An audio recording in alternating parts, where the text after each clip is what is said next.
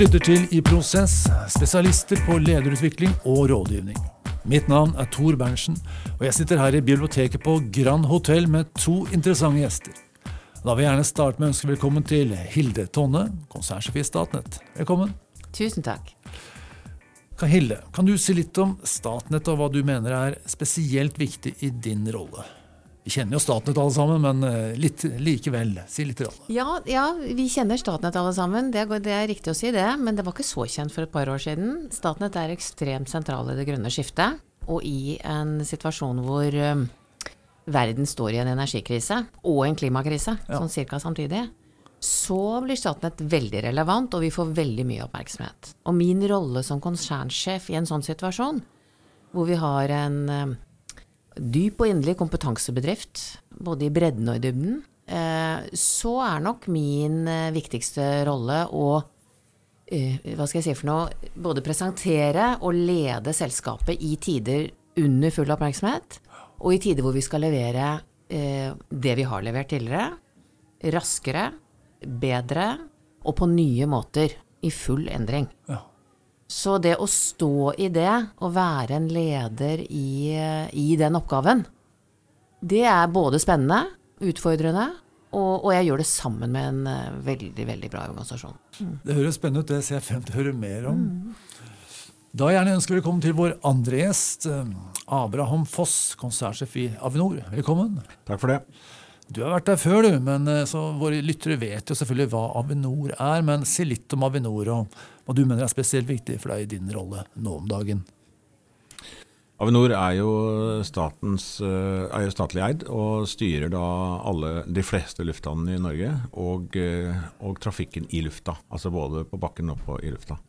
Det er ca. 2800 ansatte, ja. men er jo en del av et større økosystem betyr mye for veldig mange. Eh, for flyplass er viktig for veldig mange over hele Norge.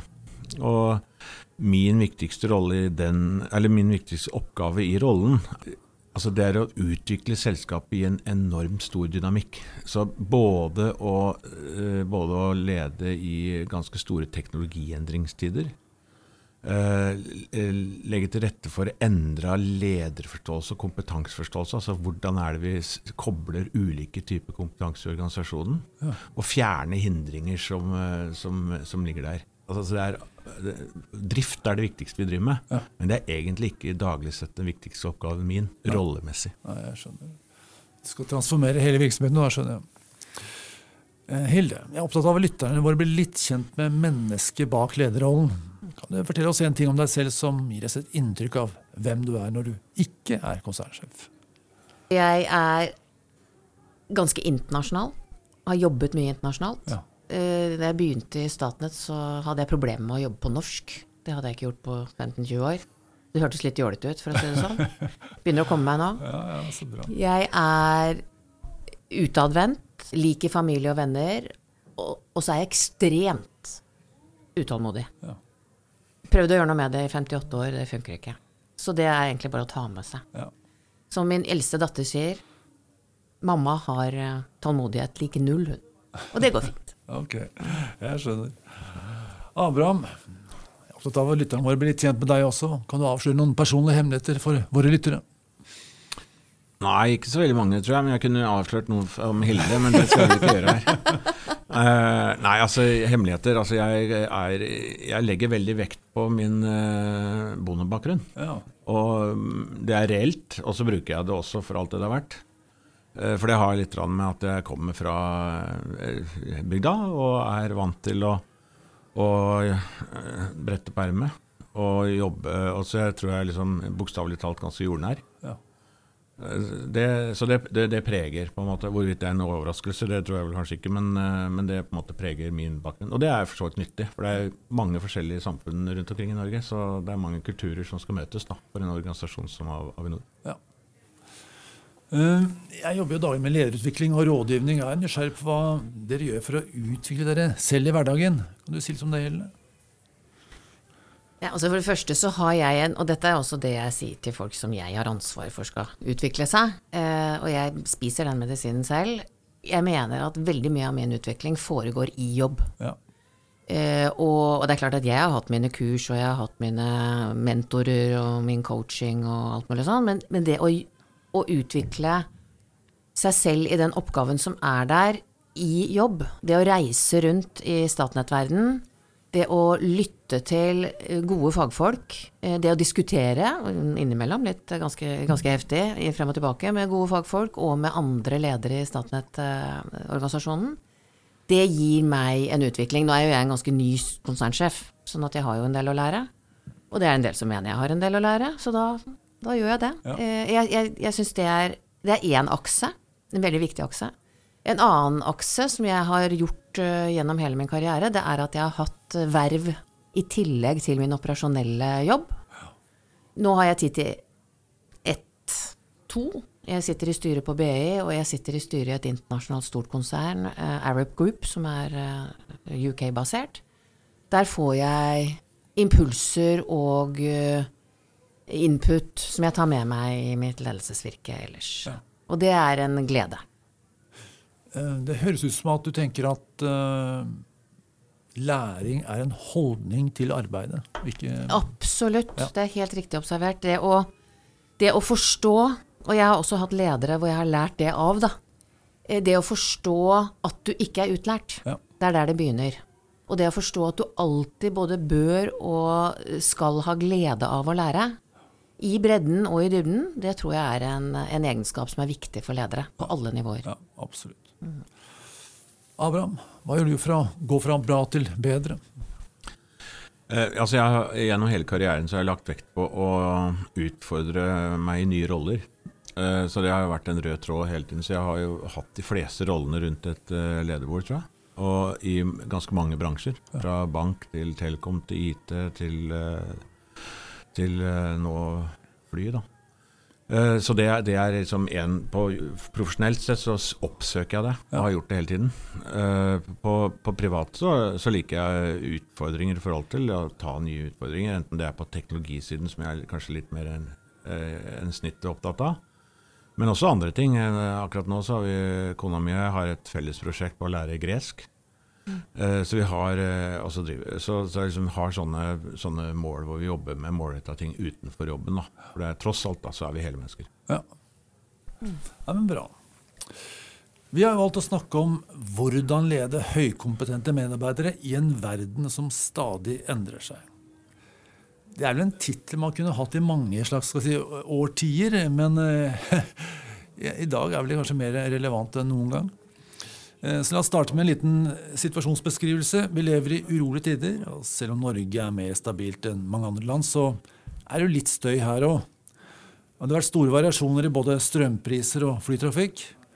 Så hva er de største utfordringene dere jobber med nå om dagen? Hva med deg, Hilde? Nei, jeg syns jo den, eh, den overskriften du har, er eh, veldig relevant for den oppgaven jeg har og vi har i Statnett. Jeg husker jeg kom, startet mitt eh, konsernsjefvirke eh, midt under pandemien. Eh, vi fikk det grønne skiftet i bakhuet. Omtrent samtidig med alle andre. Altså, det var jo ikke sånn at folk skjønte at det grønne skiftet var ordentlig på god vei inn, og at klimakrisen faktisk var der allerede. Vi sa til å begynne med, og hadde sagt i mange år, at fremtiden er elektrisk. Og så var den plutselig der Ja. med en gang. Altså fremtiden ja, var var, sant, der i liksom. nåtid. Ja. Og det å oppleve det å skulle lede en, en bedrift helhetlig, eh, sammen med partnere og i, på tvers av landegrenser og innad i Norge og i, over alle dimensjoner, i en sånn tid, det var eh, Da, da var det da var det behov for min del å liksom ta en liten samling i bånn. Og det vi da startet med, var jo å utvikle en operasjonell strategi, f.eks., som ikke var der fra før av. Eh, og det gjorde vi på altså dønn digitalt, virtuelt, med 30 mennesker av gangen, hvor vi skulle sitte og lede dette. Ja. Da var både utfallsrommet for den strategien veldig stort, og måten vi gjorde det på, var veldig spesielt. Så, så mer usikkerhet er det nesten ikke mulig å putte inn. Og, og de satt med ny sjef. Ja. Ikke sant? Og det, ja. Så det var, jo, det var jo en tid hvor, hvor det var viktig for meg å både ende opp med en felles forståelse for utfordringen, samtidig som at vi skulle bevege oss i en felles retning, og lande noe som kunne brukes. og, og, og midt under dette, dette var fire dager etter at jeg hadde begynt, på en måte, midt under dette skulle jo jeg lære meg virke. Ja. Og det, det gikk faktisk veldig bra. Og det er ikke bare min ære, for å si det mildt, men at vi faktisk ganske raskt så på oss selv som et team. Vi brettet opp ermene og, og sa dette skal vi få til. Jeg hadde veldig flinke folk som kom inn og fasiliterte. Vi, vi gikk til et styre som var velvillig og, og lyttet til oss, og fikk på plass en operasjonell strategi i juni i 2021. Fra mellom mars og juni hadde vi da jobbet den frem. Det, det føltes veldig, veldig bra.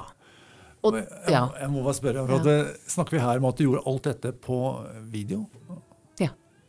Digitalt, ja. Jeg hadde allmøter på video. Ja, hadde, altså? Men nå, alt dette Vi etablerte en strategi som vi fremdeles jobber med å få implementert. Altså, vi er jo ikke ferdig. Nei, nei, det er jo ikke ferdig når du har beskrevet en strategi. Nei.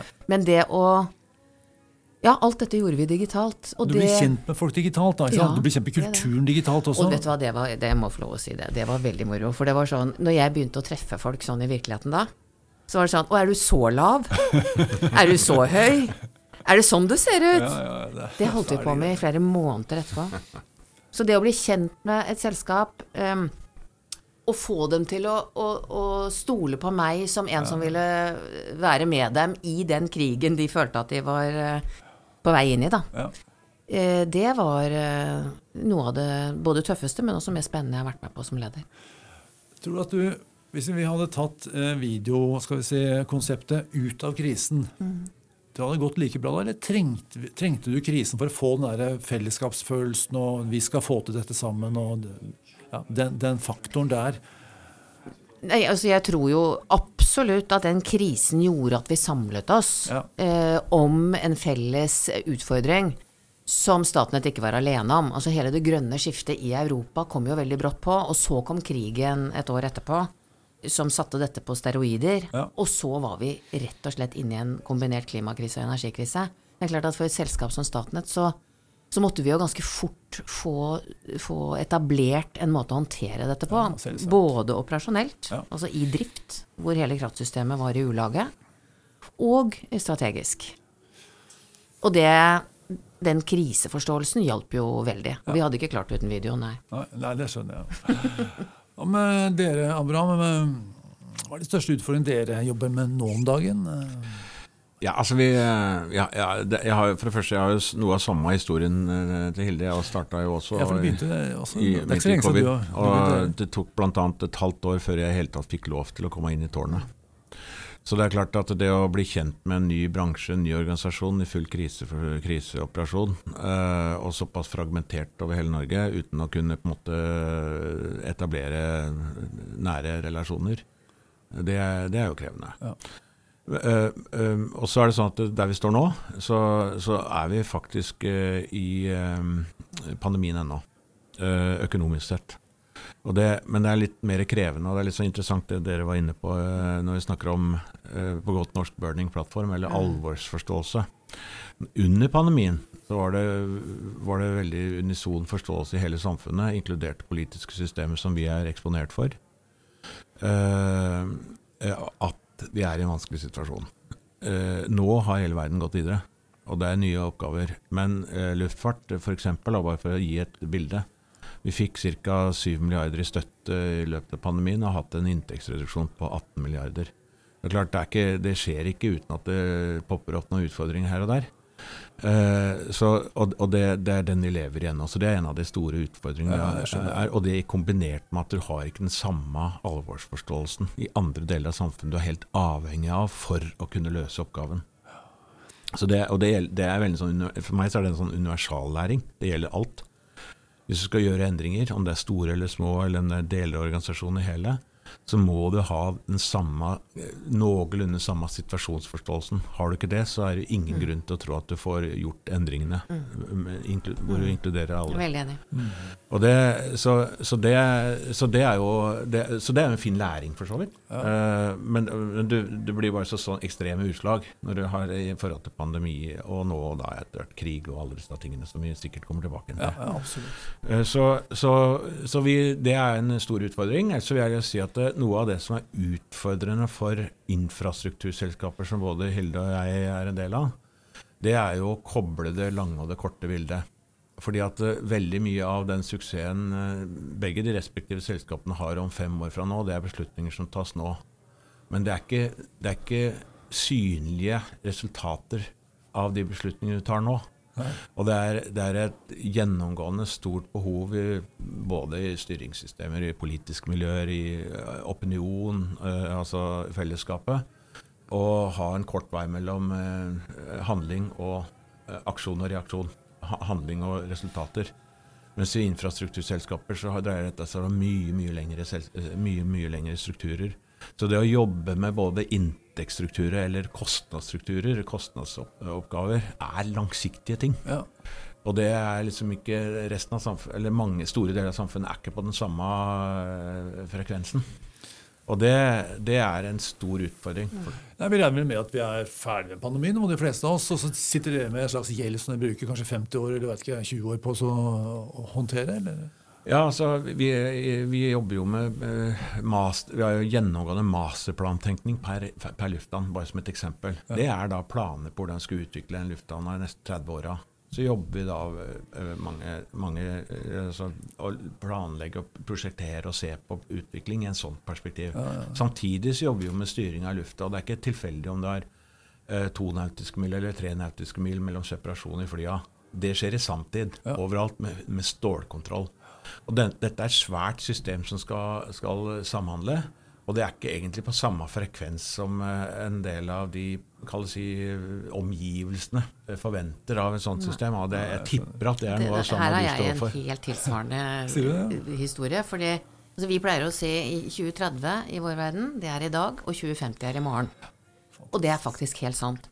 Og det er klart at når vi, vi har to hovedoppgaver. Vi skal eh, planlegge, eh, investere og drifte transmisjonsnettet i Norge og eh, eh, mellomlandsforbindelsene. Ja. Og det er sånn ca. 15-16 stykker hvis du teller eh, på forskjellige måter. Med hele Europa og på tvers av Norden. Svære driftinger som skal planlegges ganske lang tid i forkant. Veldig langsiktig. Så har vi den andre hovedoppgaven, er å balansere kraftsystemet eh, sånn at kraften er der den skal være til enhver tid på nanosekundet. Og det gjør vi enten ved å gå i markedet og kjøpe og passe på at det er der det skal, eller vi flytter det fysisk. Og den oppgaven er jo veldig momentan, ikke sant? Og, og, og, den knaker i sammenføyningene nå, fordi at kraftsystemet er i en sånn kraftig, voldsom utvikling med masse uregulert kraft og vind og sol, som er helt annerledes enn det vi var vant til før, hvor vi hadde vann. Og det var det. Nå er det masse mye mer. Og den sammenhengen mellom den langsiktige investeringen som skal til, og den momentane oppgaven som ligger i, i balansering, ja. det er noe vi forstår internt. Men når du begynner å spe på med politiske meninger om mellomlandsforbindelser, f.eks., som går to veier, by the way, import og eksport, og det begynner å bli politisert hvordan vi skal sikre forsyningssikkerheten i Norge, når det blir politisert hvor fort vi, eller hvor sakte vi skal bygge, så blir det utrolig viktig for oss som sitter i ledelsen, og for meg som konsernsjef, å påse at vi er enige om i vår organisasjon at vi er ikke politiserte. Vi er operasjonelle, vi er faglige, vi forstår det vi skal gjøre, og vi forholder oss til politiske beslutninger som er tatt, ikke de som diskuteres. Og da må vi stå i det når noen kommer utenfra og drar og haler i de forskjellige resonnementene og f.eks. sier nå har vi instruert Statnett til å ta ned kapasiteten til eksport til England. Det var det en regjeringsmedlem okay. som sa. Da må vi si, når vi får spørsmål fra pressen, nei, dette er en operasjonell beslutning. Og da blir det lite grann uh, vanskelig å være oss. Ja, Det høres ut som du har en del krevende intervjuer. Som, uh, hvor du Ja, Ledelsesmessig må du stå ja. i det. Ja, ja, jeg skjønner. Vær så god. Ja, men jeg har lyst til å bygge på den, for jeg tror du kan egentlig For det første så tror jeg det er litt sånn universal lærdom i det. Ja, det, det, og det har noe med at uh, det blir større og større krevende å forholde seg eh, til en hurtig endrende samfunn.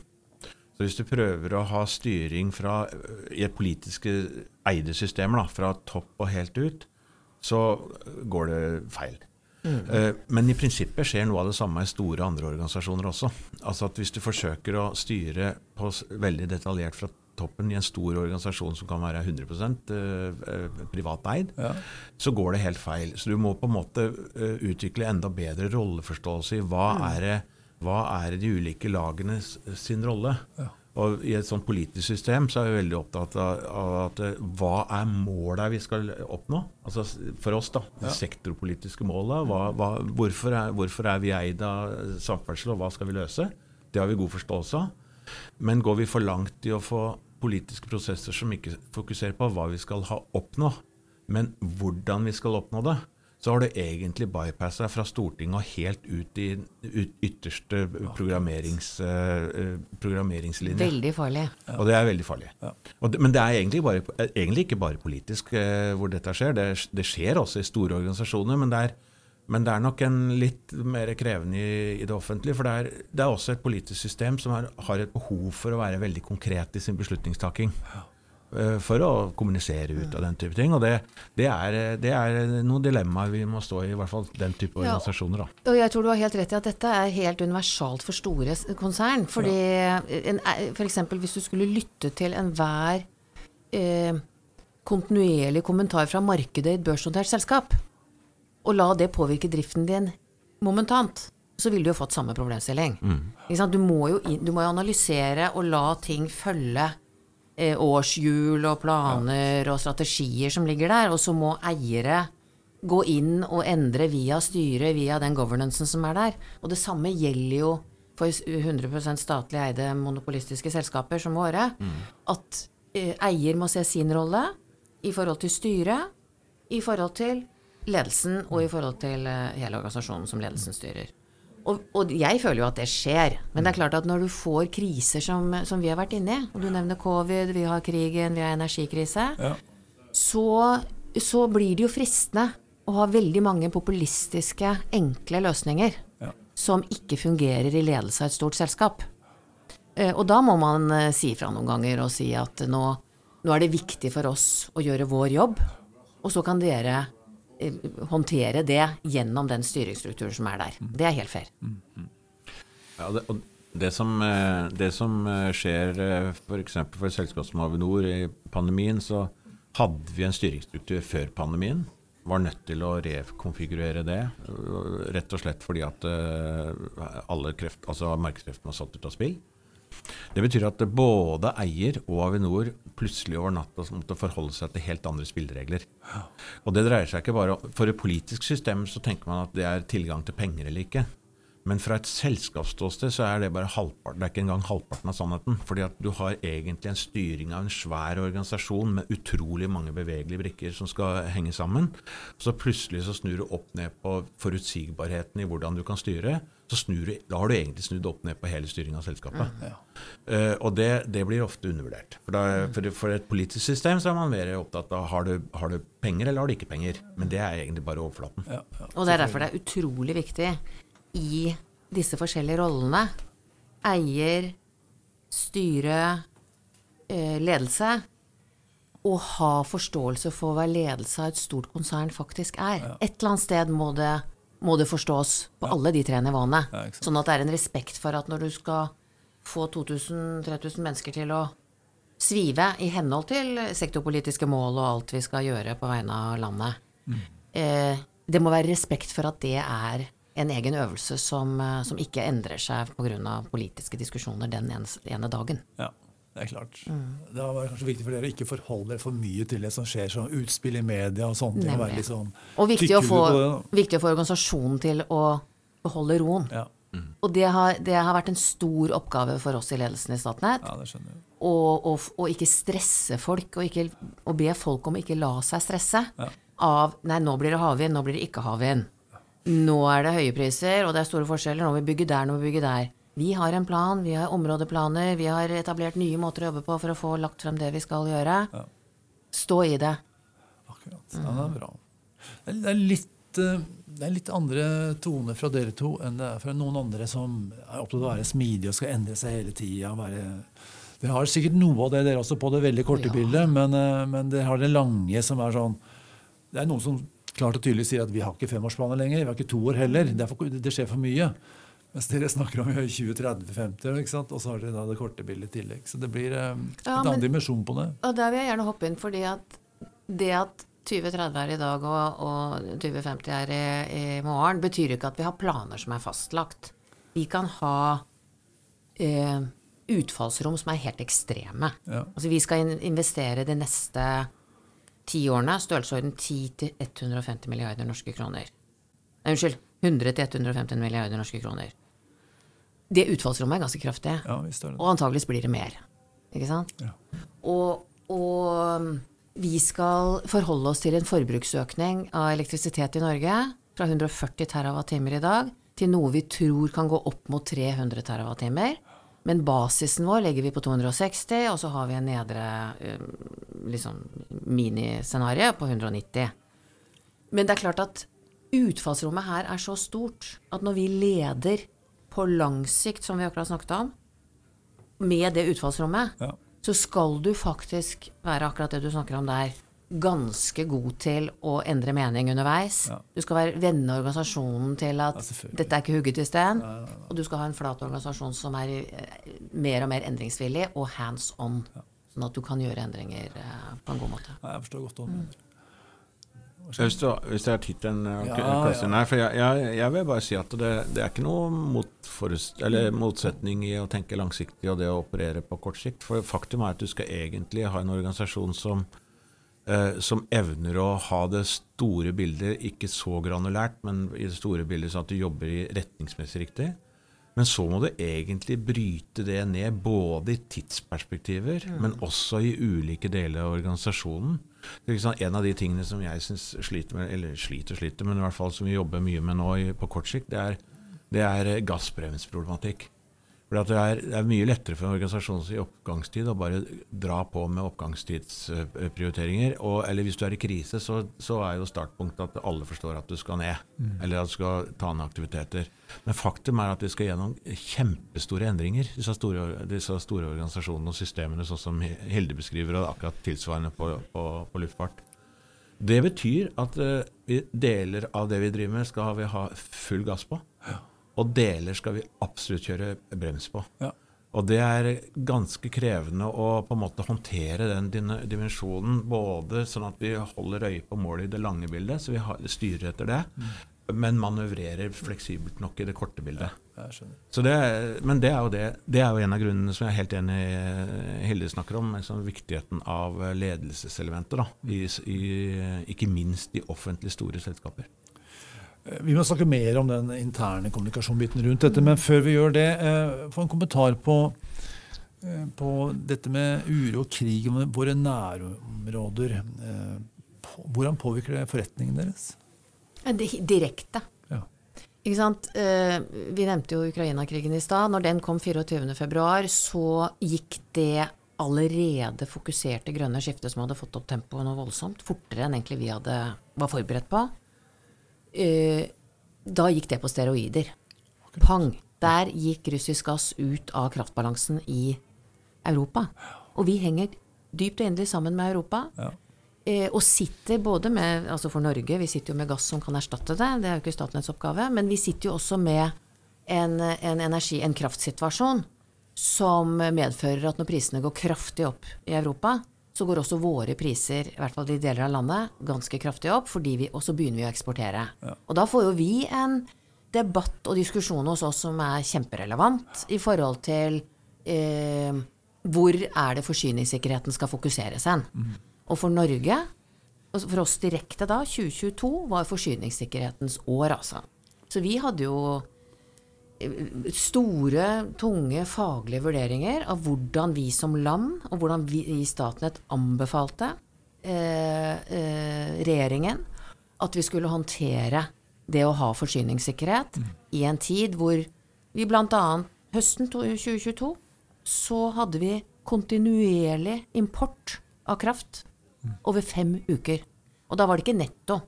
Litt ut og litt inn i løpet av dagen. Det var kontinuerlig import av kraft. Så hvis ikke vi hadde hatt mellomlandsforbindelser til å importere fra Storbritannia og Tyskland og Danmark, og hvis det ikke hadde blåst i de landene, så hadde vi måttet rasjonere. Og det er en direkte effekt av energikrisen, som er en direkte effekt av krigen. Det er noe vi nordmenn egentlig ikke forholder oss til, tror jeg. For at vi, var jo 70-tallet så var det en gang det var en periode hvor det var litt rasjonering på bensin, tror jeg, kanskje andre ting. Eh, Nei, det hadde vi måttet gjort da. Ja, da Industrien hadde måttet gå først. Ja. Og det hadde vi da planer for. Vi hadde pressekonferanse på NRK og det hele. Vi holdt på. Ja. Det var krisestemning basert på det. Så, så, så det er én variant. En annen variant er at når, når det er en mulig sabotasje på en gassrørledning mellom Estland og, og Finland, som det var for halvannen uke siden. En mulig sabotasje. Ja.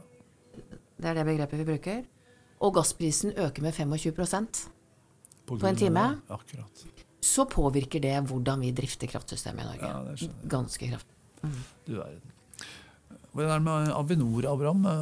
Blir dere påvirket av krig og uroligheter også?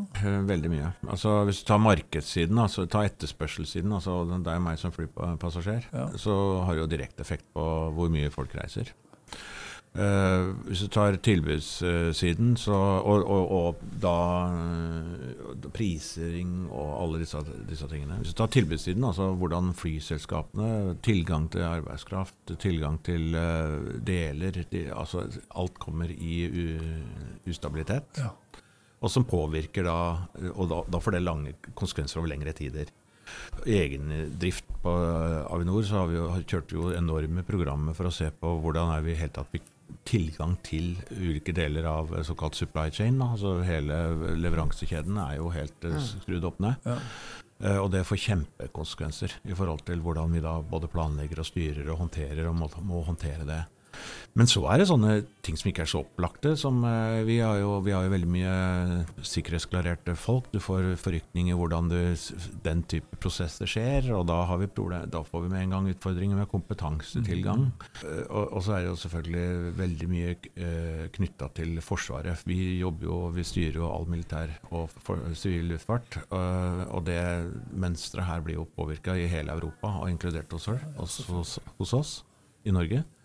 Men også i forhold til store infrastrukturutviklingsplaner som forrykkes av at hele forsvarsalliansen endrer seg. Det må jo vi sitte midt inni og planlegge for å, å, å, håndtere. Så her er, det, her er det på veldig mange områder som, som blir påvirket av den type Ja, aktiviteter. ja, Men det er jo vår rolle. Ja, Så, jeg forstår. Dere leder jo store, komplekse virksomheter begge to. Og dette er ikke den første virksomheten dere leder, dere har ledet mange virksomheter, så det er massiv erfaring. Eh, Kan dere si litt om da Hilde først, din tilnærming til ledelse som toppleder i en stor organisasjon? Altså, du har nettopp gått inn i staten. Hvordan tenker du, hvordan forholder du deg til det?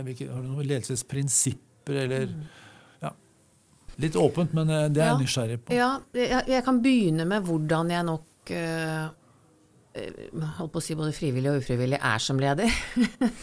jeg er nok ganske autentisk. altså Authenticity er jo liksom en sånn egen eh, retning innenfor ledelse. Ja. Eh, jeg er opptatt av å være transparent.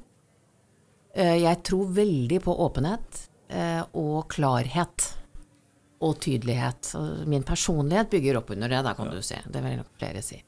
Eh, og jeg er litt der at what you see is what you get. Altså hva jeg er, er av menneske, vil, vil gjennomsyre hvem jeg er som leder. Eh, jeg tror på det selv, samtidig som at jeg er sånn som person. Ja. Ehm, jeg tror veldig på Og jeg er ganske systematisk. Jeg tror at systematikk og klarhet eh, frigjør kapasitet for innovasjon. Jeg har vært Chief Innovation Officer i et svært internasjonalt selskap. Jeg har jobbet med teknologiutvikling og, og alt fra forskning til eh, utvikling på industriell side i hele min karriere. Eh, og jeg tror at du får armslag til å være kreativ ved at det er litt orden rundt det. Ja. Det er visse ting som står fast, og resten kan du eh, få kapasitet til å, å virkelig få folk til å blomstre i. Da. Ja, jeg skjønner. Så er jeg nok ganske flat. Uh, samtidig som jeg er så tydelig at noen blir litt redde for at jeg ikke er så flat allikevel. Uh, etter hvert så oppdager man nok at jeg faktisk har evne til å endre mening, selv om jeg er bardus i mine egne meninger.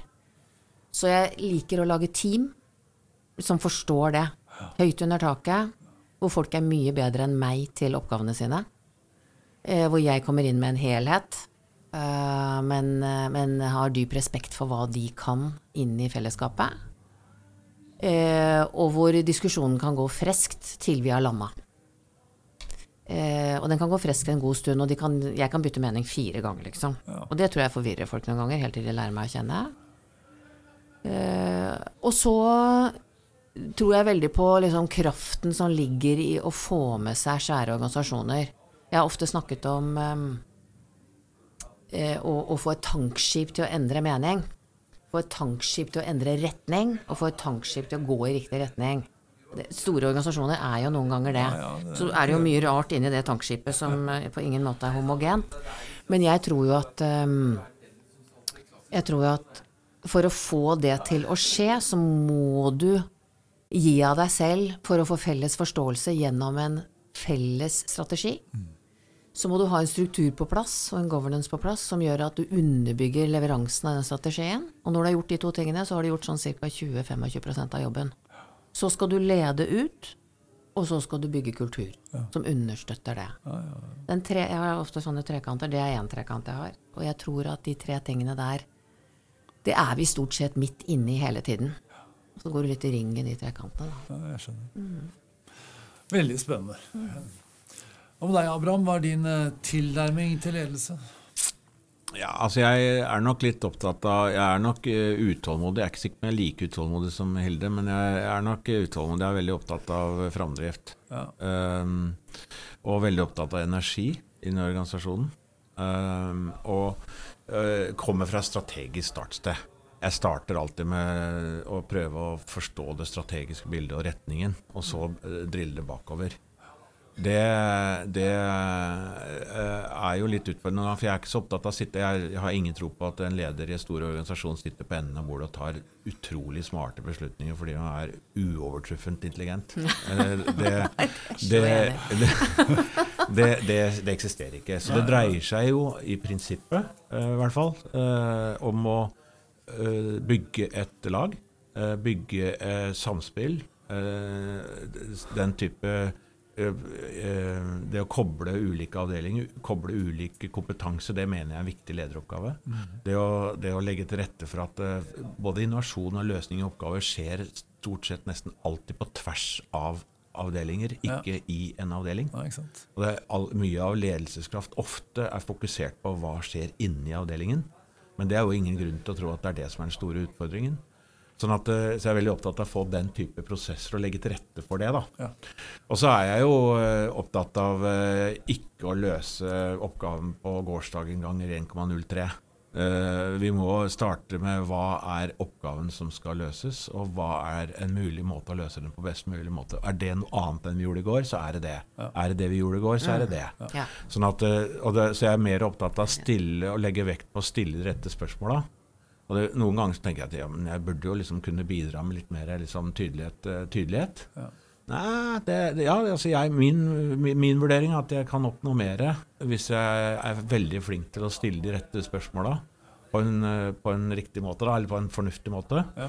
Uh, slik at får utløst energien ute hos de som virkelig kan det. Men hvordan snører du sekken da? Ja, det er jo ikke sant, du, Vi må jo ha altså store, store, systemer som vårt jo ikke, har jo ikke mangel på styringssystemer og, og målesystemer og oppfølgingsstrukturer. Sånn at vi har jo veldig mye, og det, og det er kjempeviktig. Og jeg, jeg, tror egentlig en gang i tida uh, så var jeg også CFO. Så en gang i tida så var, jeg, så var, jo det min rolle. Det er ikke den rollen jeg er så veldig flink i nå. altså liksom Være den som starter med strukturforståelsen.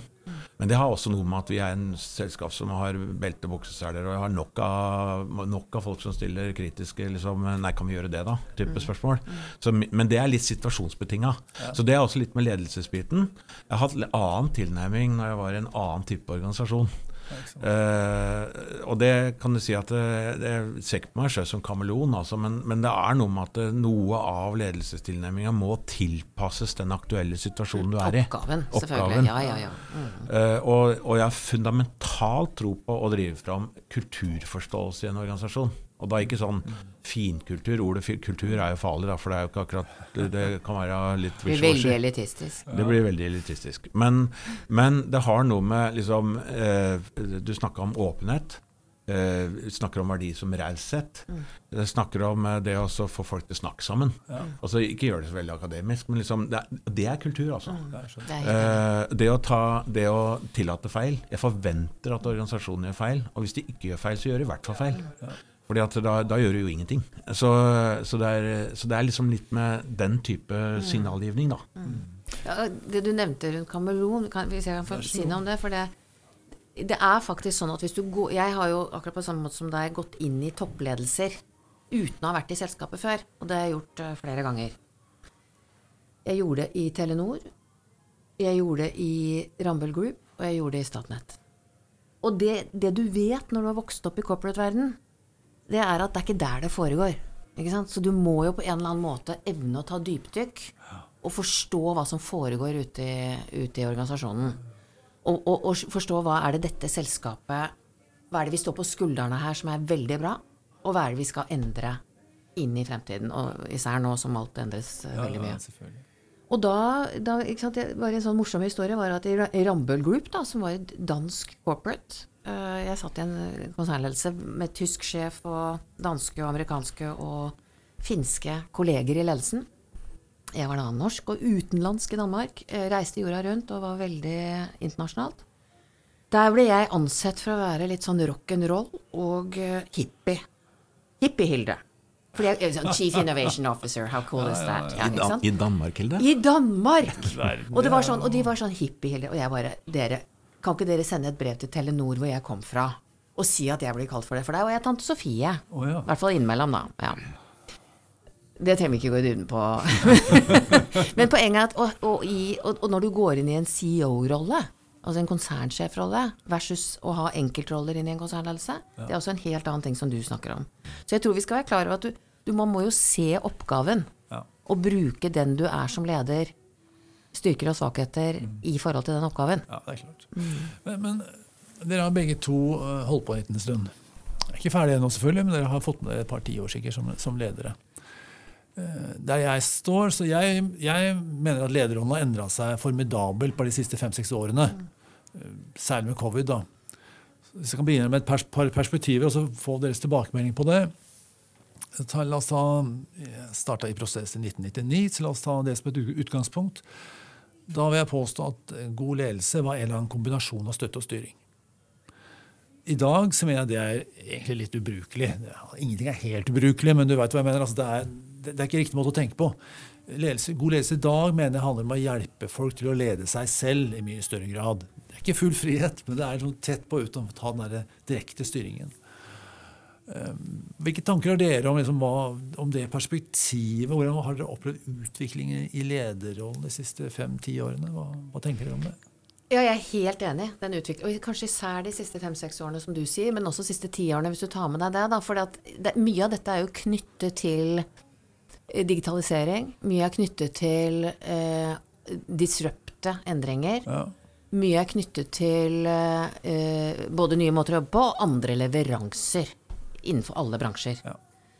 Og, og da må eh, toppledere og ledere innstille seg på punkt én eh, mye flatere strukturer enn vanlig. Nå har vi øvd en del i, i Norge og i Skandinavia i forhold til resten av verden. Men internasjonalt så er det ganske mange som sliter med det.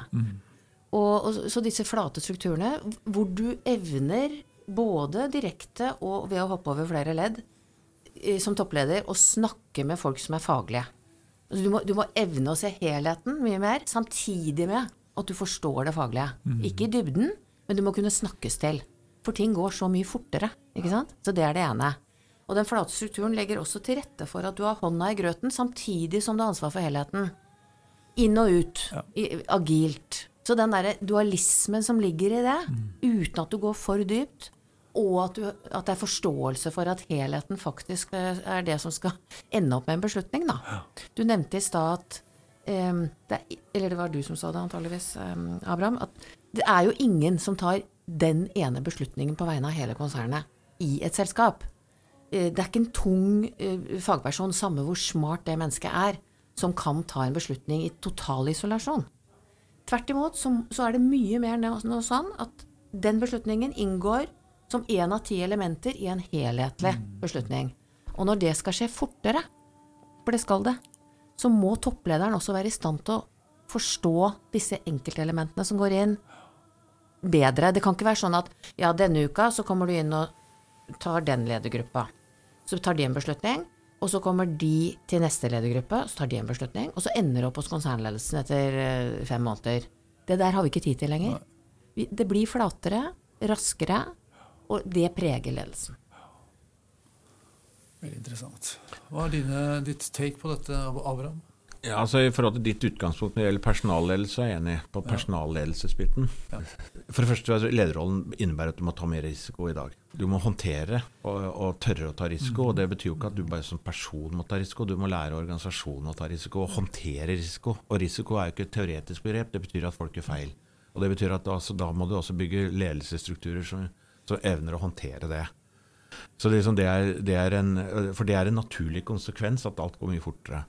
Så tror jeg særlig på to områder som, som spiller seg ut på fagdimensjonen, som ikke går på å kunne faget, men som går på å skimte mellom når er vi står overfor en mulig eh, bombe, og når er vi står overfor en kinaputt. Og Det går på teknologisiden i forhold til hva må til for å gjøre endringer på verdikjeder, endringer på måten man løser det på. Det tror jeg en lederrolle må ganske, ta ganske stort ansvar med å ha nok eh, interesse for å gå inn i til å stille de rette spørsmåla, vel å merke. Ja. Ikke med å komme med svar, ja. Det er det ene. Og det andre er det kommunikative. Fordi alle store organisasjoner står i så utrolig store, st- stor spennvidde av eh, interessenter. Det å få en organisasjon med seg, det å få eksterne miljøer med seg, det å på en måte håndtere de innboende kompleksiteten som ligger på en noenlunde fornuftig måte, det er en gigaoppgave. Eh, og den har blitt mer eh, krevende i et mer transparent samfunn. Ja. Så det, det tror jeg forsterka litt. Jeg er veldig enig. Og, og veldig enig i det. Uh, og uh, i en kompetansebedrift, som, som faktisk flere og flere bedrifter er, da, på en eller annen måte, så sitter det tung fagkompetanse som er helt nødvendig for å ta beslutninger og dra ting videre. Der tror jeg det i enda større grad eh, er viktig at det blir en forståelse for at ledelse og helhetlige perspektiver eh, er viktig. Og jeg pleier å fleipe noen ganger på allmøter og, og all verdens dialog vi har eh, i selskapet i Statnett, om at eh, dere må huske på at ledelsen har hjerne. Det er meningen med at vi er her. Ikke sant? Sånn at det er ikke sånn at dere kan ta, ta en beslutning i en silo rett opp i et forretningsområde eller en divisjon, som det het tidligere, og så pang, så er det en eller annen helt øverst som basert på det stoler på dere, og så gjør vi det. Dette er tverrfaglig. Dette er risikotagen på tvers av en portefølje. Ja. Da tar vi risiko ned, samtidig som vi tåler å være mer agile og gjøre feil og gå tilbake. Fordi vi har digitale løsninger, dette ordner seg. Og så eh, er det noe med at vi, vi må ha tillit til at det finnes ledelse på flere nivåer som har som jobb å ta det helhetlige eller det mellomhelhetlige perspektivet. Det er um, I flate strukturer, som vi nå har mye mer av, så er det en utfordring som må stadfestes uh, i, i en ny tid, tror jeg. I hierarkiske systemer så er dette liksom Det ordner seg. Da er, er det lett å Det er lett når du En sjef er en sjef. Men i systemer som virkelig skal ha med seg kunnskapen opp, så må det også være noe eh, Jeg liker ikke helt begrepet, men top down, da. Hvor, hvor, hvor, hvor det er tillit til at det som møter det som kommer fra, fra det faglige, at det tillates at ledelsen tar en helhetlig beslutning. Det er en litt ny ting, selv om det ikke høres sånn ut, men det er faktisk det. Mm. Ledelsen har hvor- hjerne. Hvorfor er det nytt? Man har jo hatt eh, tilsvarende Men da var det tuftet på hierarki. Ja. Nå er det så flatt at nå må det være tillit til at ledere forstår hva du mener når du er faglig. Veldig bra. Og da må jo lederen forstå hva du mener ja, ja, når du er faglig. det er. Nå er det smartness. Ikke sant? Det, er- Så det skal litt mer ja, klokskap til, altså. Ja. Ja. Tenker jeg da. Men, men det var en sånn refleksjon vi bruker litt tid på internt. Altså jeg pleier å si at det er, det er flere lederoppgaver i Avinor for eksempel, som er mer kompliserte enn det min lederrolle er. For jeg kan jo forholde meg litt, litt uh, annerledes. Det er- en del lederroller som i noen aspekter står i mellom barken og veden. Du skal få med deg du skal, du, en operativ virkelighet som du skal Altså, og det, er, det skal leveres Ja. minutt for minutt. Ja. Og så skal du virkelig omsette det i noen signaler som du kanskje ikke helt har vært eh, en del av. Du- har kanskje god forståelse, men du skal fronte det. Du er kanskje ikke helt enig, og, og, og så skal du være Sitter du på små steder, så det er jo veldig liksom, nærhet i ledelsen her. Da. Så, så det, er, det er ganske Så jeg, jeg tenker sånn at det, å utvikle ledelse er jo for det første litt an hvilket nivå du sitter på, men det har altså noe med å forstå litt kontekst Ja. av hva man står Ja. oppi, altså. For at det er, altså, Og det at du forstår det, det tror jeg er Jeg sier ikke at det er nytt for deg, men jeg sier at det er litt sånn i tiden. At det må man forstå. ja. Helt enig. Men i det perspektivet der, hvor man har flate strukturer, ledere som skjønner de forretningsmessige problemstillingene, også, kanskje også de faglige, i hvert fall til et visst nivå. Eh, Hvordan sikrer dere at viktig informasjon, visjon, strategiske mål, eh, verdier, alt dette her blir formidlet effektivt til mange tusen mennesker? Å, det er et godt spørsmål. Kan ikke du svare? Det er så vanskelig. Nei, jeg har, noe, jeg har en liten hale på dette her også. For jeg jobber jo mye som rådgiver i dette her, og det er sånn og La oss snakke om hvordan håndtere rykter, feilinformasjon, usikkerhet og alt dette som Og én ting er når det går bra. Den tida er jeg ferdig med. Når det går dårlig, da er det mye verre. Altså, jeg, jeg påstår det at når mennesker har oppgangstider og har det bra og lett, så er de ganske like. Når det er mot, motgangstider eller nedgangstider, så ser det ut større forskjeller på folk. Det blir mer av denne her misnøye. Ja. Dere skjønner hva jeg mener? Selvfølgelig. Ja, ja. Eh, noen tanker om dette? Ja, ja, altså Dette er kjernen, etter min mening. I, også i den nye tid, Ja. med det flate, med endring som skjer kontinuerlig og ikke bare en gang iblant. Uh, det, er en ny, det er en ny normal som vi skal lede i. Um, og uh, jeg kommer fra et allmøte i dag. Vi har allmøte sånn hver fjerde måned eller noe sånt nå, med hele organisasjonen. Em, og streamer og, og er både fysisk og streamete. Helhetlig, hele selskapet. Em, og hovedsaken i dag er implementering av strategien. Hvor langt har vi kommet? Og hvordan forstår hele organisasjonen strategien?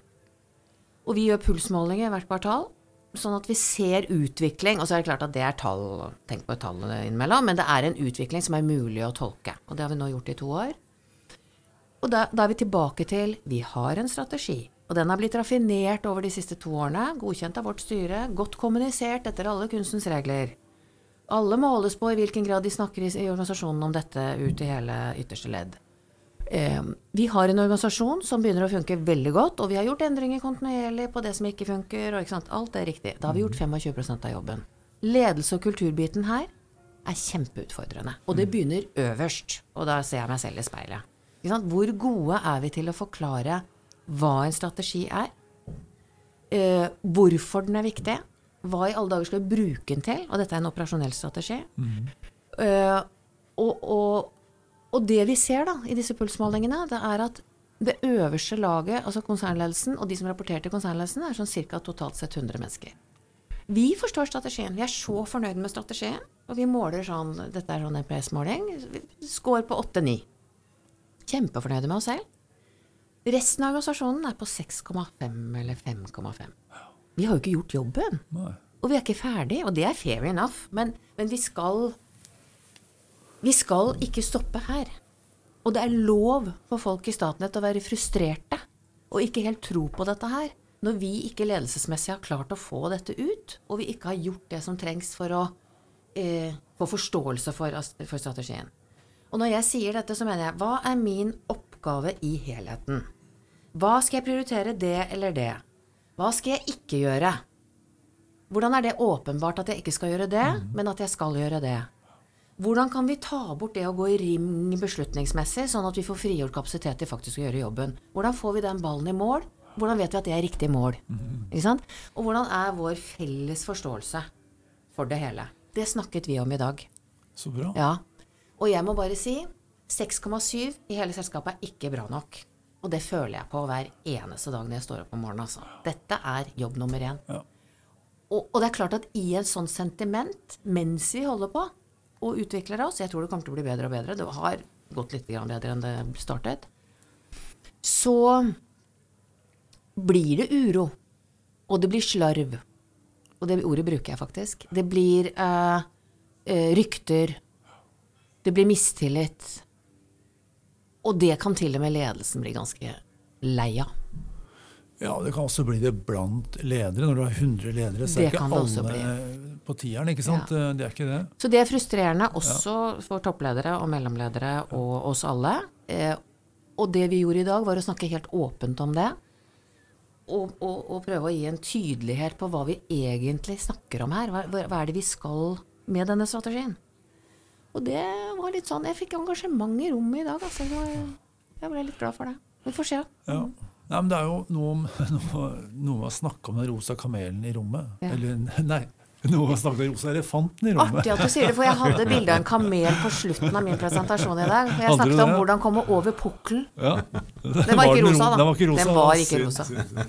Nei, men altså Um, Når du fjerner, eller ikke fjerner, men demper hierarkiet, så du kan liksom ikke bare implementere på instruks lenger. Og så skal du ha med deg folk. Og jeg tror at en, i en del sånne situasjoner så eh, undervurderer vi hvor emosjonelle vi mennesker er. Sånn at vi, vi gir veldig mange logiske argumenter, som er selvfølgelig gjennomtenkt. Men jeg trenger å føle at det er viktig for meg, og jeg trenger å føle at jeg har trygghet i, i min forståelse av det. Og det må jo testes ut litt. Det er en slags interaksjon der. ikke sant? Veldig godt sagt. Jeg er helt enig med deg, Ja. og vi står midt oppi det. Ja. Men altså dere i Avinor så går det litt greit, gjør det ikke det? Det det, det, Easy-peasy. Der, der har vi tikka alle, alle buksene. Nei, altså, vi har jo samme utfordringene. Og, men jeg, eh, hvis vi tar strategibiten og eksemplifiserer litt rundt det Vi hadde en veldig omfattende strategiprosess som eh, når, når- jeg eh, kom inn. Eh, og, og vi brukte tid på å dra med hele organisasjonen. Eh, Så vi reiser rundt på de 45 lokasjonene eh, og dro gjennom og tok diskusjonene, ikke bare hva vi hadde som strategi på øverste nivå, men egentlig hva kan være mulig implikasjon for dere. Ja. Og det, er jo det, det varierer jo da alt fra store, liksom store greier hvor det er mange til stede, til rundt kaffebordet på små flyplasser. Og da tar vi ikke fram powerpointen engang, da snakker vi om det. Eh, og det, det, så jeg har veldig tro på det også, også mm, altså, eh, Fundamentet for det da, er jo kulturbygging. Fundamentet for det er åpenhetsdimensjonen. Det er eh, og, og, og det å på en måte være, å, være eh, Egentlig eh, prøve å legge til rette for at de fleste blir sett. Altså helst alle. ikke sant? Men alle føler jo ikke at de blir sett til enhver tid. Nærmest uansett hva man gjør. Men det har noe med den kulturbygginga å gjøre. Og det, jeg tror at det kobla med ganske Det er jo mye ledelse som skal til for oss å på en måte håndtere den type informasjonshåndtering. Det er, ikke, det er selvfølgelig et batteri av verktøy som alt fra allmøter og, og, og, og selvfølgelig intranett og alle disse tingene. Men til syvende og sist må, i stor distribuert organisasjon så må du lede ut på en eller annen måte. Ja, ja, ja, selvfølgelig. Og det, så så det, det er jo den måten vi jobber med det på. Uh, Uh, og, og, det er, og det er jo sånn at det er umulig å sitte som en toppledelse og være helt sikker på at du motiverer f.eks. en som har en brøyteoppgave et eller annet sted i Nord-Norge. Jeg er helt sikker på at jeg bommer i kommunikasjon der. Så jeg er helt avhengig av at vi har en hel organisasjon som greier å gjøre de nødvendige om eh, altså eh, oversettelsesoppgavene. Så vi gjør det stadig vekk mer relevant da, eh, for den det gjelder. For, for hele poenget er at du, strategien skal jo i, i syvende og sist være relevant for alle. Så vi jobber jo med det. da. Ja. Og, og, ja, og dette er jo ledelseskapasitet og ledelsesfaglig utvikling for hele organisasjonen. Kaskadering av lederoppgaven ut i organisasjonen. Jeg merker ganske mye, og det gjør sikkert du også, at, at folk tror at det er jeg som skal fortelle dem Ja. eh, hvordan dette er. Eh, og til og med ledere relativt høyt oppe tror at det er jeg som skal fortelle organisasjonen deres hvordan ting er. Det er noe med å ta det lederansvaret. Og, så vi har, vi har satt i gang en ganske sånn storstilt eh, lederutviklingsprosess og program. Vi, har, vi jobber med alt fra eh, liksom reise rundt, som du snakker om, uformelt, formelle workshop-konsepter, holde på med alt det der man skal gjøre. Og så tror jeg faktisk at man skal Du var inne på det i stad, at man skal være klar over at dette tar litt tid. Og gi folk det rommet til å ha den frustrasjonen og, og, og venne seg til den oversettelsen det har å si for dem. Og, og finne seg selv. For dag, det jeg gjorde også i dag, og som vi snakket om hele konsernledelsen foran alle sammen, det var dette er ikke bare et lederansvar. Det er også et ansvar for hver enkelt å være engasjert og ha nysgjerrighet for hva dette faktisk betyr for meg. Og hvis du er, føler at du er i et vakuum og ingen hjelper deg med det, så må du rekke opp hånda. Ikke sant? Du må lene deg inn. Fordi vi er tunge fagfolk med masse intelligens og kompetanse. Dette bør være på radaren. Ja, ja. Kan, kan jeg bygge opp under akkurat det? For det, fordi at det, det eh, Vi har bl.a. den diskusjonen i forhold til eh, egenutvikling. Uansett hvilket nivå du sitter på. Så det er faktisk ikke mitt ansvar. Det er egentlig ikke leders ansvar, det er den individuelles ansvar i hvordan man faktisk mindset-messig skal eh, angriper i forhold til å utvikle seg selv. Men vedkommende skal til enhver tid forvente av meg og andre at vi legger forholdene til rette for at det skal skje. Vi, så, så, det er et stort ansvar på meg. Det er ikke en ansvarsfraskrivelse. Men det har noe med at den derre det er litt tilbake til startpunktet, hvor det, ja, det blir mye uh, misforståelser, mistro og alle disse tingene her. Det har noe med å få opp et engasjementsnivå uh, i, hos alle de ansatte. Og for et selskap som Avinor, som, hvor det er utrolig stor stolthet av å levere på samfunnsoppdraget. Mm.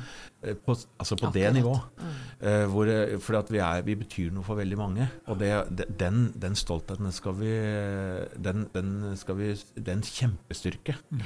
Fordi at, og da, da er ikke er, altså, Folk er motivert av lønn, det er ikke det, men det er jo ikke det som er hovedmotivasjonen. Du må ha, du må ha andre ting du uh, motiverer. Ja, ja. Det er det vi bygger opp, eller prøver å bygge opp under etter beste evne. Og det tror jeg er kjernen. Engasjement og i våre organisasjoner så kommer det veldig mye fra samfunnsoppdraget. Ja. Å ønske å gjøre en forskjell. Ja. Være, det er en stolthet. Vi har den laveste, antageligvis, eh, så vidt vi vet. Sykefraværet blant de største selskapene i Norge. Ja. Og vi har folk som tar vinterferien sin og reiser opp på vidda og henger etter armene for å rette opp eh, havarier på master. Vi har folk som sitter døgnet rundt med langsiktige markedsanalyser for å levere de innen fristen. Sånn at landet har det å lene seg på. Ja. Vi har folk som drifter. ikke sant? Drifter systemet eh, for at det skal være lys i lampa. Du må være til stede. Under covid var de skjermet fra resten av verden i tre år. De kunne ikke bli sjuke. Så det er en Det er helt enig med deg, Abraham. Det er en, eh, en, en sånn stolthet og en ærekjær mm. måte å, å håndtere jobben på som er utrolig verdifull. Jeg tenker at når man etter hvert som samfunnet vårt har blitt mer individualistisk og arbeidslivet mer spesialisert og kompetansenivået har økt, så går langt tilbake i tid, så skulle leder motivere medarbeidere. Og det du sier, som jeg, slik jeg tolker det, det er at nei, vet du hva, det er egentlig ikke det lenger. Nå må de motivere seg selv. Og du må legge til rette for å bli motivert. Du skal i hvert fall ikke demotivere. Det er kanskje det enda viktigere. forventer at du kommer motivert på jobb. Du har valgt en jobb, det er frivillig. Eh, men en annen ting er også, jeg tenker at folk skal også stort sett lære å lede seg selv. sånn at uh, Før var så hadde lederne ansvar, og så hadde medarbeiderne Det var ikke så mye snakk om dems ansvar. Men jeg tror i dag så er det liksom mindre forskjeller på det. da, Å liksom, få frem ansvar. Jo, det er ditt ansvar. Der går det. Du må være på hugget. Du må lære deg nye ting. Du må ikke bare sitte og vente på å få informasjon. Du må søke aktivt etter informasjon og bidra til forståelse. Det er en større grad av proaktivitet i medarbeiderrollen nå enn det kanskje var ja. tidligere. da. Ja, det er jeg enig i. Og du må være interessert. Ja. Mm. Ja, altså. Og så kommer jo det an på hva slags eh, oppgaver, selvfølgelig. Altså, men jeg tror jo generelt så tror jeg medarbeidere altså Igjen da, til den flatere strukturen. Til nærhet mellom ledelse og uh, fag og, og ytre drift og hva har du?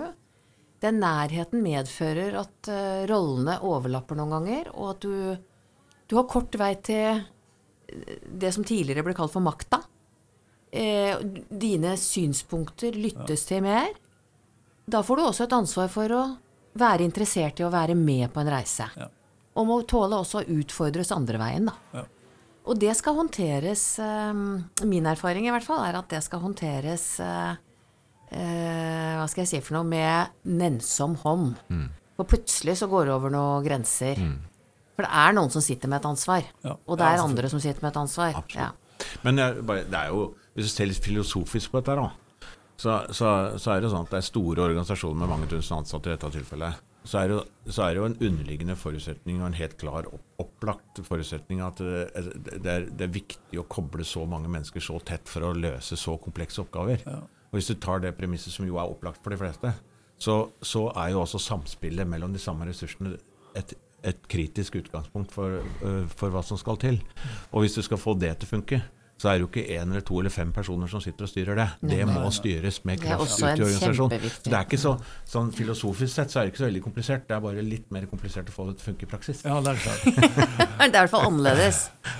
jeg, jeg har, hadde en av mine store skal si, aha-opplevelser når det gjelder ledelse og endring under pandemien.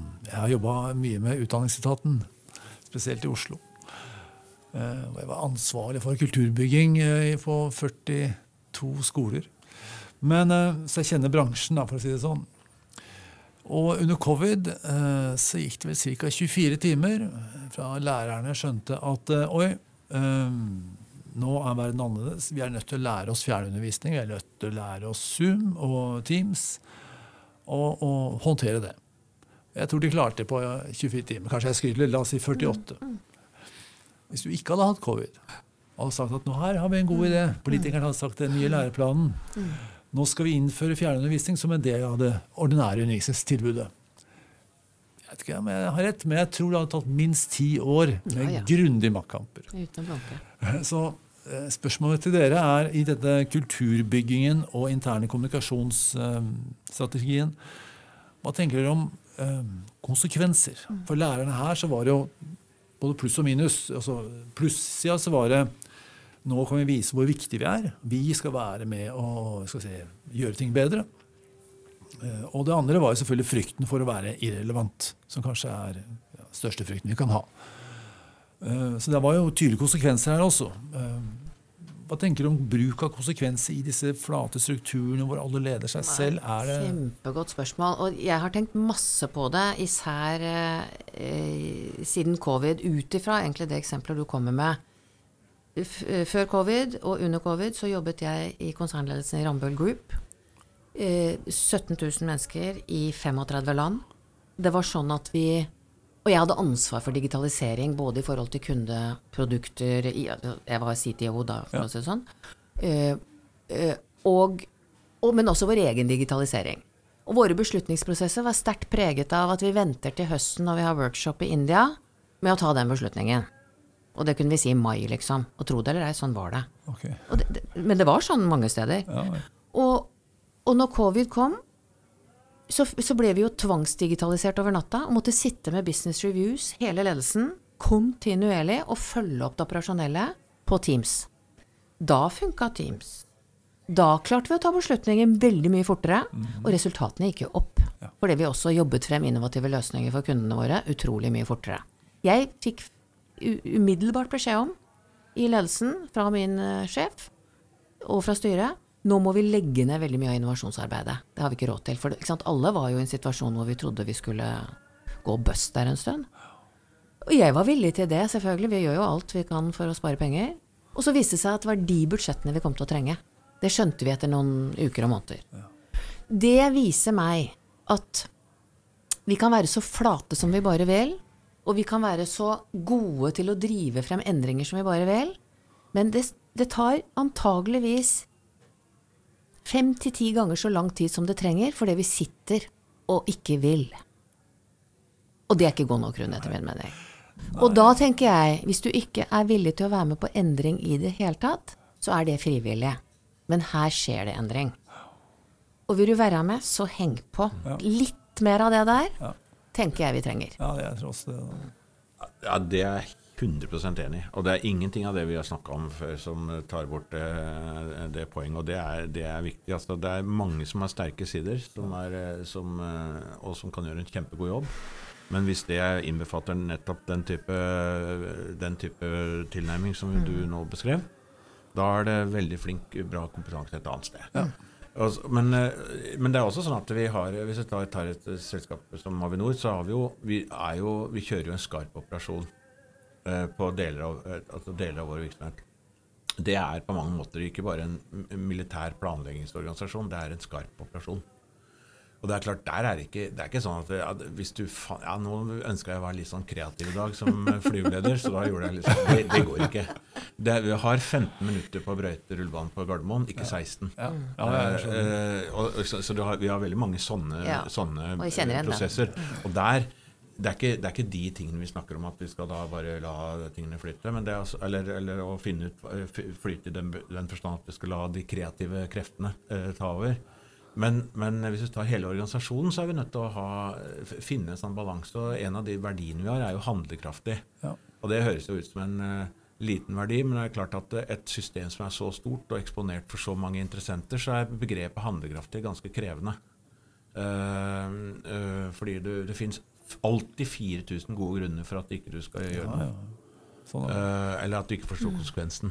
Og det er det jeg snakker om, den risikobiten. Der må vi være villige til å ta i, Nå snakker jeg ikke safety-risiko, altså. Eh, Siden jeg nå representerer luftfarten, så vil jeg ikke ha det på meg. For det, det, det er ikke det jeg snakker om. Men, men risiko i forhold til at ting kan, eh, ting kan være feil, ja, da ratter vi det inn. Og, så er ikke, så, og da var det riktig at de tok beslutningen, men det ble feil utfall. Og husk på det, vi kommer jo begge fra eh, organisasjoner som tidligere, og da mener jeg tidligere, uh, har vært preget av mer forvaltning enn hva som er mulig nå. Forvaltning i et land med god råd. Ja, det er sant. Ikke sant? Og nå er vi inne i både krisesituasjoner, eh, behov for profesjonalisering, behov for raskere eh, prosesser, behov for innovasjon og teknologiutvikling, masse endring. Og skal du ta den reisen, så må du ha eh, verdier i bånn som bygger opp under det. Og vi besluttet nye verdier som en del av eh, strategiløpet og, og hele visjonsløpet som vi fornyet. Vi har mot, vi leverer, og vi gjør det sammen. Og veldig mye av det vi har snakket om her i dag, er jo egentlig et bevis på at det er det vi trenger i en organisasjon. Ja. Og det gikk altså rett hjem. Folk bruker det i Det er bare så, det er bare så gøy. De bruker det i presentasjonene sine. Eh, prosjektlederen som skulle ta oss med inn i tunnelen på Sogn sammen med hele styret vårt, innledet og ønsket velkommen med de tre verdiene. Jeg holdt på å begynne å grine. Altså, det er utrolig moro hvordan det bare Ja. Der var det et sug i markedet, altså. Dette var de glad for. Ja. Og dette er vi glad for, og dette er bare helt riktig. Og så er det selvfølgelig sånn at det er jo ikke alltid vi har mot, det er ikke alltid vi klarer å levere, og det er ikke alltid vi gjør ting sammen. Men folk vil. Ganske Ja. Det engasjerer meg, da. Men folk har jo lyst til å få til store ting sammen med andre. Mm, Det er ikke noe gøy å si jippi aleine. Det er det jo ikke. Nei, det er ikke det. Den var Abraham. god, egentlig. Hvis alt går slik du ønsker de neste seks månedene, hva har du oppnådd da? Ja, Vi er driftsorganisasjon, så da har vi i hvert fall levert på drifta. Ja, For det er det som betyr mest for eh, folk rundt oss. Eh, og så er, det, er vi inne i en krevende økonomisk situasjon. Så da har vi, da har vi eh, manøvrert oss inn på sikrere farvann. Vi er ikke helt eh, der nå. Så det er jo en ting. Og så det tredje er at da har vi en eh, kraftfull kompetanseutviklingsagenda knytta både til ledelse, men også til teknologi spesielt. Flotte greier. Hilde, hvis alt går slik du ønsker de neste seks månedene, hva, hva har du fått til da? Da har vi fått til, og da har jeg fått til en eh, organisasjon som har en eh, totalt sett alle sammen enda bedre forståelse for strategien, og hvor de befinner seg i den, hver og enkelt av oss. Eh, Og at vi har fått kraft gjennom det arbeidet til å være med på, og det er nummer to, være med på å levere en nasjonal plan for grønn kraftomstilling i Norge. Som er mer konkret enn det vi ser i dag. Både hva gjelder nettutbygging, hva gjelder eh, grønn produksjon, kraftproduksjon, og hva gjelder industriell utvikling. Du er så bra. Da er vi nødt til å avslutte.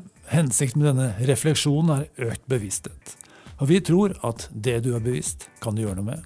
Det du ikke er bevisst, gjør noe med deg. Hvis du som hører på oss ønsker at vi skal styrke din bevissthet ved å invitere spesielle gjester eller belyse spesielle problemstillinger, kan du sende oss en e-post til post at iprosess.no. Da sier jeg takk til våre gjester. Takk, Hilde. Takk, Abraham. Takk til våre lyttere, og på gjenhør.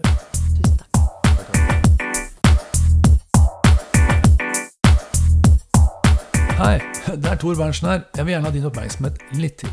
Jeg har nemlig noe du trenger. Som du vet, jobber vi med lederutvikling.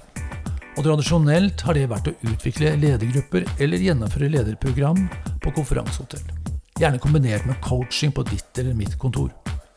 Det gjør vi fortsatt. Men nå har vi online lederprogram, som gjør at du kan utvikle deg selv og dine ledere uten en ekstern konsulent, eller med bare litt støtte. Hva betyr det for deg som leder? Jo, to ting. Du kan utvikle mange mennesker samtidig, og prosesser som tidligere ville tatt mange år, kan gjennomføres i løpet av uker og måneder. Det andre er kostnadsbildet. Det kan reduseres med 90% eller du kan få ti ganger så stor gjennomslagskraft til samme pris. Mulighetene er mange. Gå til iprosess.no, eller enda bedre, ta kontakt på post at iprosess.no. Så kan vi avtale en prat om hva som passer for deg og din virksomhet. Vi snakkes.